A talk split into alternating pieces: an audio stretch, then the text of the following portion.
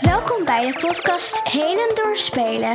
De podcast waar we inspireren om te leren zodat jij kunt groeien en bloeien. Helen Purperhart neemt je mee in haar wereld waar het innerlijk kind de hoofdrol speelt. Heel veel luisterplezier!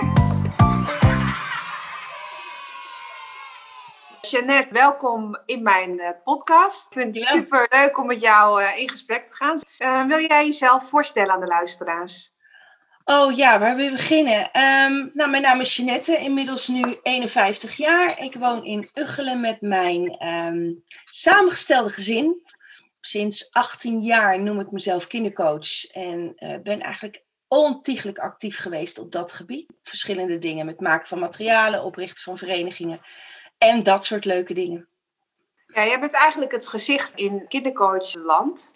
Je geeft ook je eigen opleiding. Wil je daar nog iets over zeggen? Hoe je opleiding heet en ja, wat, je, wat je wilt uitdragen? Ja, onze opleiding heet de Magie van Kindercoaching en magie als in verwondering. Dat we vooral willen uitdragen dat het werken met protocollen en methodieken en al die stappenplannen, dat die eigenlijk in de weg zitten tussen het contact uh, tussen jou en het kind. Dus wij leren in een vierjarige opleiding de mensen in het eerste jaar al meteen om heel erg te luisteren naar hun intuïtie. Natuurlijk aangevuld met kennis en ook praktische dingen. Maar vooral, je leert te vertrouwen op je ingevingen. En dat die eigenlijk altijd kloppen. Coachen is een vak op zich. Het is niet zo van, oh, ik, uh, ik lees even een boek en ik kan coachen. Het vraagt echt wel heel veel meer van, van iedereen. Kindertijd. Ik ben eigenlijk wel benieuwd hoe jij zelf als kind was. Hoe jouw kindertijd was ook. Ik ben de oudste van vier, maar na mij komt een, een miskraam. Ik was een vrij, ja, noem het maar slim kind. Kind met een, uh, of hoe noem je dat nu? Een kleuter met ontwikkelingsvoorsprong. Of nou ja, in ieder geval, ik, ik had snel door. Ik heb mezelf ook leren lezen op de kleuterschool.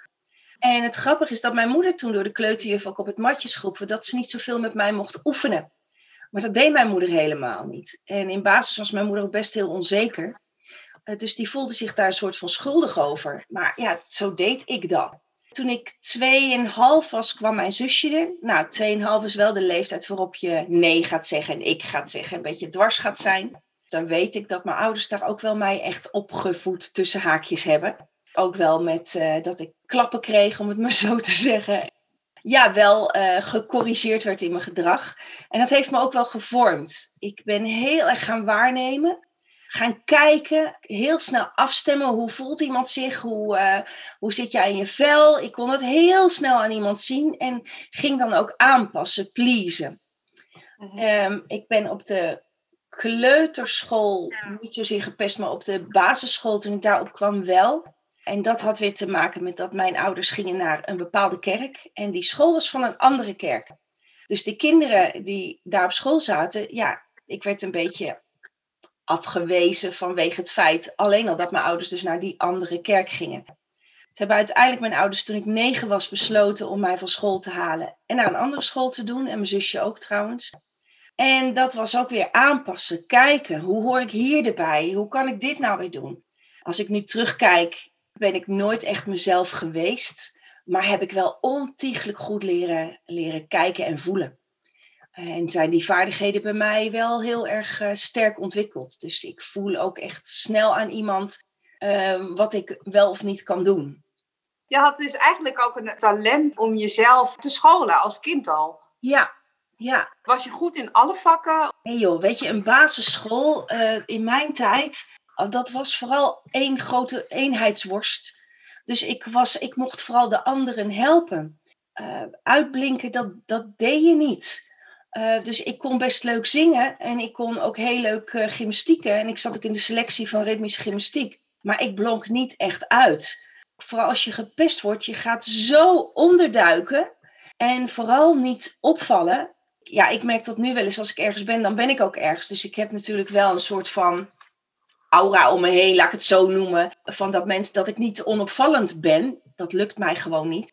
Maar ik voelde me gewoon zo onzeker over wie ik echt uh, mocht zijn, omdat dat gewoon steeds afgewezen werd door heel veel mensen. Dus pas je vooral aan. Val vooral niet op. Stel je niet aan. Doe normaal. Weet je, dat soort uh, termen. Daar ben ik mee opgegroeid. En dat zijn dus eigenlijk ook een beetje jouw overlevingsstrategieën, dat aanpassen. Hoe is dat nu in je volwassenheid? Hoe ga je daar nu mee om? Nou, ik heb het talent uh, goed kunnen waarnemen, anderen kunnen, kunnen lezen. Kan ik heel goed inzetten in het stukje kindercoaching.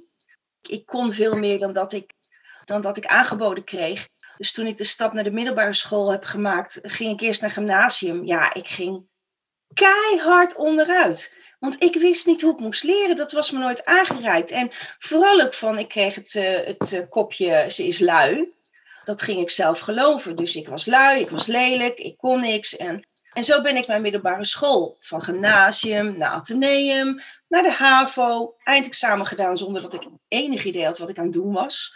Ik weet dat ik economie-examen had en dat ik werkelijk dacht, waar gaat dit? Ik begreep het werkelijk de context niet. Dus ik ben uiteindelijk zonder diploma van de middelbare school gekomen en nergens iets van een talent hebben kunnen ontwikkelen. Ja, omdat ik zo ook dat zelfbeeld had dat ik eigenlijk gewoon, ja, wie was ik nou eigenlijk? En door mij heen, ik ben toen uh, heel gezegend naar Zwitserland kunnen gaan, uh, ben ik au pair geworden. En toen ben ik in de horeca beland en ik wou altijd juf worden. En daar ben ik eigenlijk een beetje doorheen gegaan van, oké, ik werk nu, ik werkte op Urk in de horeca. En ik dacht, nee, ik wil toch juf worden. En daar, die stap heb ik toen gemaakt en daar ben ik wel heel blij om. Want toen pas kwam ik bij waar wat bij mij automatisch gaat. Uh, groepen begeleiden, lesgeven, kinderen aanvoelen, met ouders praten. Ja, ik was uh, een vis in het water. Dus toen pas kon ik echt naar die talenten toe. En dat is uiteindelijk ook je missie geworden. Ja. Vanuit Ja, het onderwijs, gewoon voor jezelf. En, en volgens mij heb je ook een tijd gedaan coaching eh, in de klas, hè? Ja, En uiteindelijk nu dan eh, je eigen opleiding. ja. Herinneringen. Als je nog even teruggaat naar je kindertijd, zijn er ook hele leuke en grappige momenten die je kunt herinneren? Jeetje. Grappige momenten. Ehm, gek dat ik daar nu zo over na moet denken, joh. Want ik, heb, ik heb, kijk helemaal niet terug op een hele vervelende jeugd. Het was altijd wel goed, maar leuk en grappig. Ik had een, een bondje met mijn vader. En eh, dat is wel een hele leuke. Die, dan, ik had ook een broertje en een zusje. En dan moesten we als kind naar boven. En als mijn vader mij dan een knipoog gaf, zo'n wie, dan mocht ik nog, als de andere twee al in bed liggen, mocht ik heel zachtjes weer naar beneden. Mocht ik nog beneden wat komen drinken. Nou, dat was feest. En misschien heb ik in mijn leven maar drie knipogen gehad, maar ik had het gevoel dat ik altijd, dat maakte me speciaal. Zo van, jij bent de oudste. Dat was wel heel fijn. Op de middelbare school smeerde hij altijd 's ochtends een broodje boterham met kaas voor mij. Althans, ik dacht dat hij dat deed, maar achteraf hoorde ik dat mijn moeder dat ook wel eens deed. En dan kwam ik beneden en dan lag daar die ene speciale boterham voor mij. Die smaakte natuurlijk super lekker, omdat dat even dat speciale stukje aandacht was. Want voor de rest had ik natuurlijk altijd steeds gehoord dat het niet goed was wat ik deed. Ja, dat, is wel heel dat zijn wel die kleine gouden momenten waarin je toch wel dat de balans weer maakt. Van ja, je bent toch wel bijzonder of je bent toch wel eh, lief. Of nou ja, noem het maar op hoe, we dat, eh, hoe, hoe mensen dat noemen. Eh, en dat waren wel de leuke, de leuke momenten. Eh, zijn er nog meer eh, momenten of dingen die je bijvoorbeeld mist uit je kindertijd, als je daar nu aan terugdenkt? Ja, ik had denk ik volgens mijn moeder niet de juiste vriendinnetjes. Mijn moeder wilde me heel erg beschermen. Bij ons thuis met vriendinnen spelen, dan voelde ik me altijd een soort van schuldig. Want mijn moeder die vond ze niet bij mij passen of zo. Had ze misschien achteraf ook gelijk in. Omdat ik zo aan het pleasen was, nodigde ik juist die kinderen uit die in de groepsdynamiek het meest lastig waren. Dus ja, daar ging ik mee samenspelen. Zo van, dan hoor ik er misschien bij. En dat voelde mijn moeder wel aan. Wat ze dan deed, is zo van, ja, nou, die mogen niet komen spelen. Waarbij ik dan juist zoiets had van, ja, maar die moeten komen spelen, want anders hoor ik er niet bij. Ik snap het achteraf pas. Ik had het misschien wel heel fijn gevonden als, dat, ehm, als ik die kans wel had gekregen om gewoon die vriendschappen te ontwikkelen en daar zelf ontdekkingen in te doen. In plaats van dat beschermende ehm, stukje. En ik ging toch wel met ze spelen. Ja, en verder was de kerk gewoon heel centraal. Uh, we gingen elke zondag naar de kerk, dus ehm, daar moest je bij mee. En als je s'avonds was wezen stappen, heel strenge regels. Eh, tien voor elf ging de laatste bus. Maak ik een sprong naar mijn puberteit natuurlijk. Dan moest ik ook echt eh, kwart over elf moest ik thuis zijn. Dan. En als ik dat niet was, dan, eh, nou ja, dan had ik het, eh, kreeg ik het wel. Dus alle anderen gingen al laat uit en ik moest gewoon op tijd thuis zijn. Ja, dat zijn wel de, de rol van de oudste, denk ik ook. Het was heel spannend uh, mij alleen te durven te laten gaan.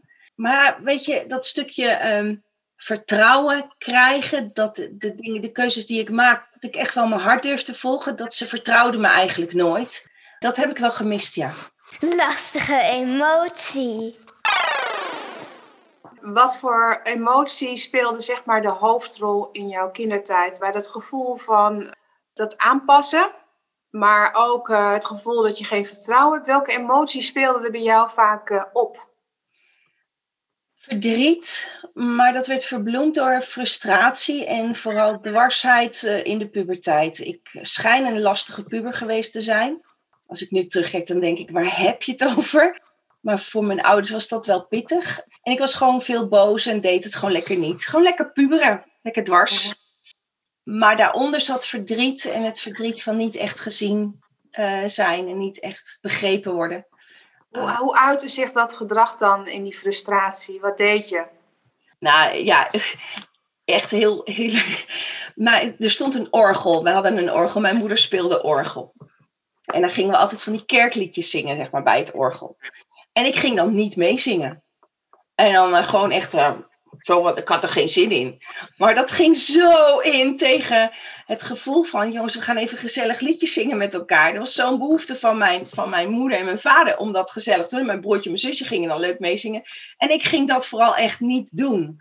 Daar kreeg ik wel meer over op mijn kop. Ik werd er niet juist nog minder door begrepen. Maar het was wel mijn manier om te zeggen van, ja, hallo, doe het lekker toch niet, zoiets. Ja. Wat was dan eigenlijk jouw behoefte? Eigenlijk had ik heel erg behoefte aan verbinding, aan gezien worden. Toen mijn zoon die leeftijd had en hij ook ook met een slok te veel thuis kwam, toen zei hij ook de volgende dag, want ik was natuurlijk heel, oh jeetje, mijn kind. En oh. En toen zei hij, mama, het enige wat je hoeft te doen is mij te vertrouwen.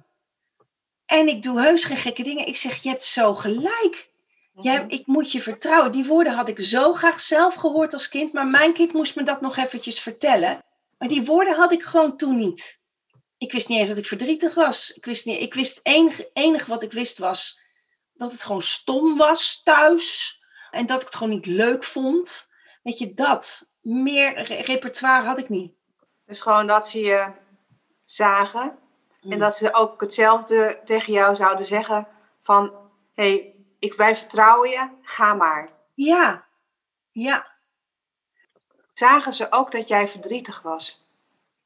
Um, Liet je, uitte je dat? Of was dat echt dat je dat ja, gewoon zelf hield? Ja, maar dat werd toch meestal onder het mom um, aanstellerij uh, of weggezet of aandachtvragerij.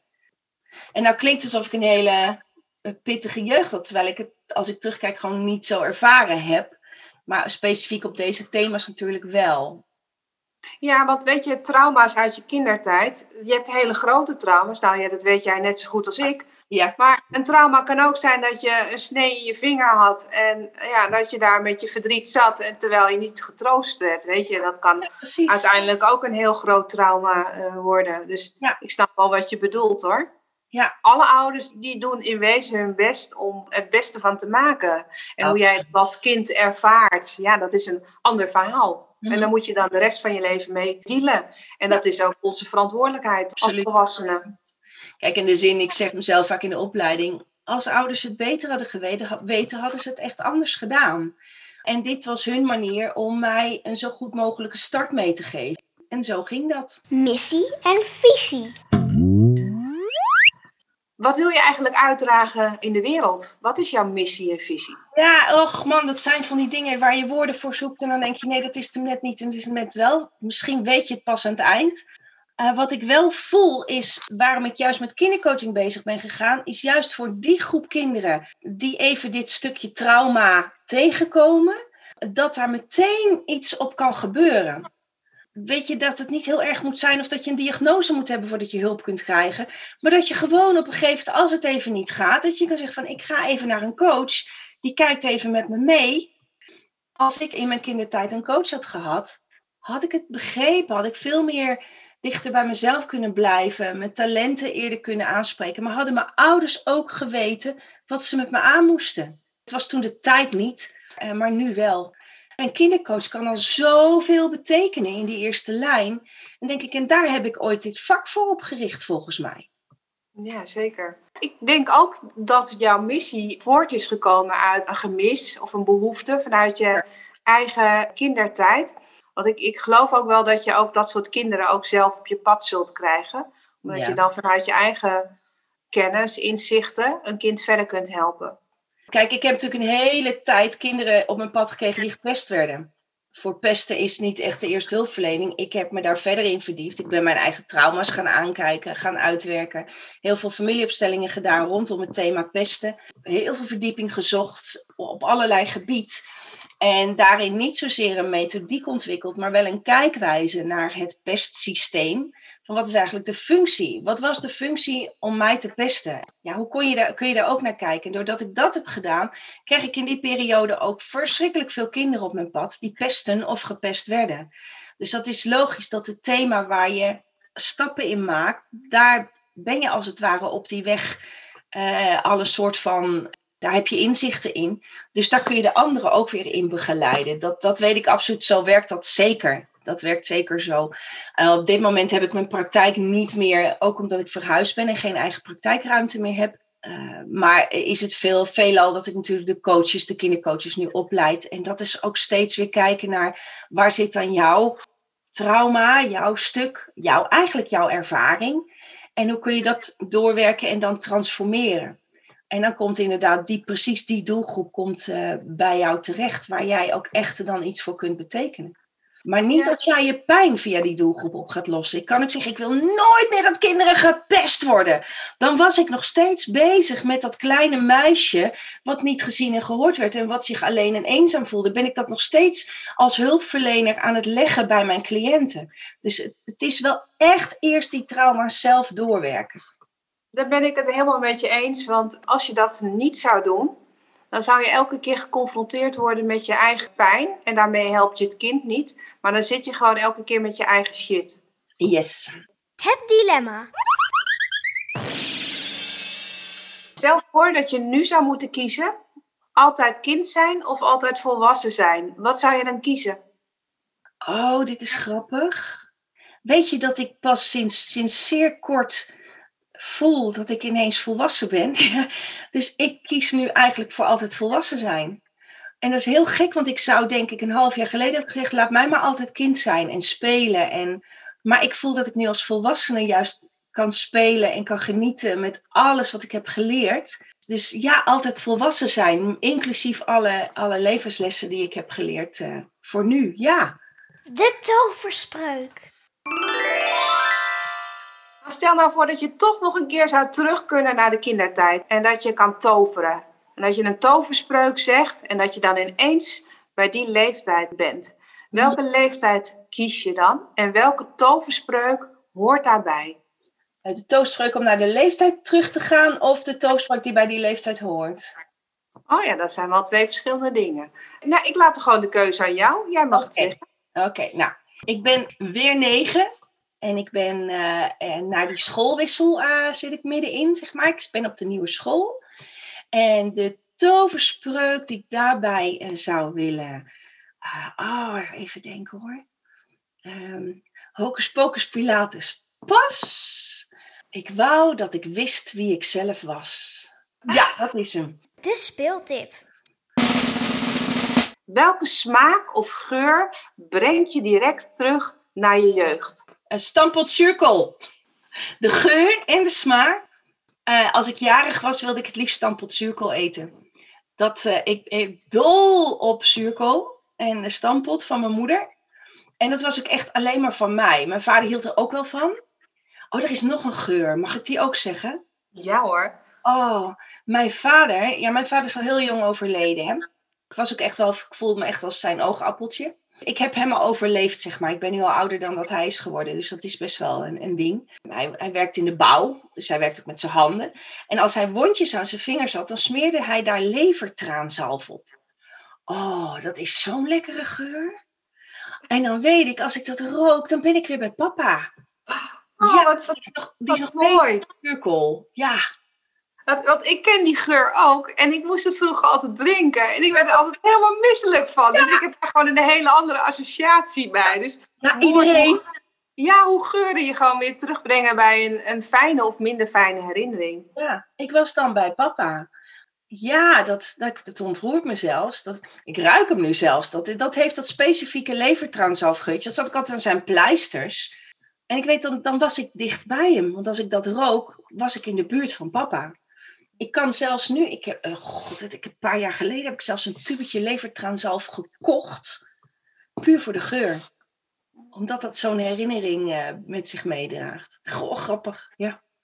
We zijn aan het eind van het interview. Wil jij nog iets zeggen wat ik vergeten ben? Of eh, heb je nog een boodschap voor de luisteraars? Nou ja, de, wat ik nu tegenkom steeds in, overal in mijn werk, is dat er heel veel strijd is tussen het hoofd en het hart. En dat zie ik ook in de samenleving nu. Eh, de mensen die het allemaal uit het hoofd doen, die het hoofd gebruiken, die in hun hoofd zitten, die heel erg zijn van de protocollen, de regels. eh, en dan de mensen die vanuit hun hart leven.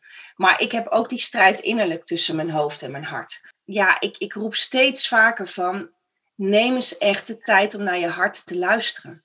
Daar zit zoveel wijsheid, zoveel, ja, zoveel pure broninformatie. En als mensen daar eens wat meer op durfden te vertrouwen, dan kunnen we dat ook. Want kinderen doen dat al, die leven al vanuit hun hart. Dan kunnen we kinderen kind laten zijn, trouw aan hun hart. Dus daar hebben we als volwassenen echt iets in te doen. Dus ja, wat ik als, als eh, mee wil geven, echt, is neem de tijd om te luisteren wat je hartje te vertellen heeft. Namaste. Nou, maar steek wel zeggen amen, maar dat is mijn achtergrond. ik zag het je ook helemaal doen met je Ja. hand voor je borst. ja. Ik heb nog een laatste vraag voor jou. Waar geef je jezelf een applaus voor? Nou, ik durf nu eindelijk te zeggen voor alles wat ik heb neergezet. Dat vond ik altijd een beetje een dingetje, maar ik heb toch wel heel veel bereikt eh, in Nederland voor kinderen, voor kindercoaches, voor het vak. Daar heb ik echt eh, in gepioneerd en eh, ik geloof dat ik mezelf daar zeker een applaus voor mag geven. Maar er zit ook dat meisje in die nog steeds denkt, doe niet zo overdreven. En weet je, die vindt dat ook nog lastig om hem te ontvangen.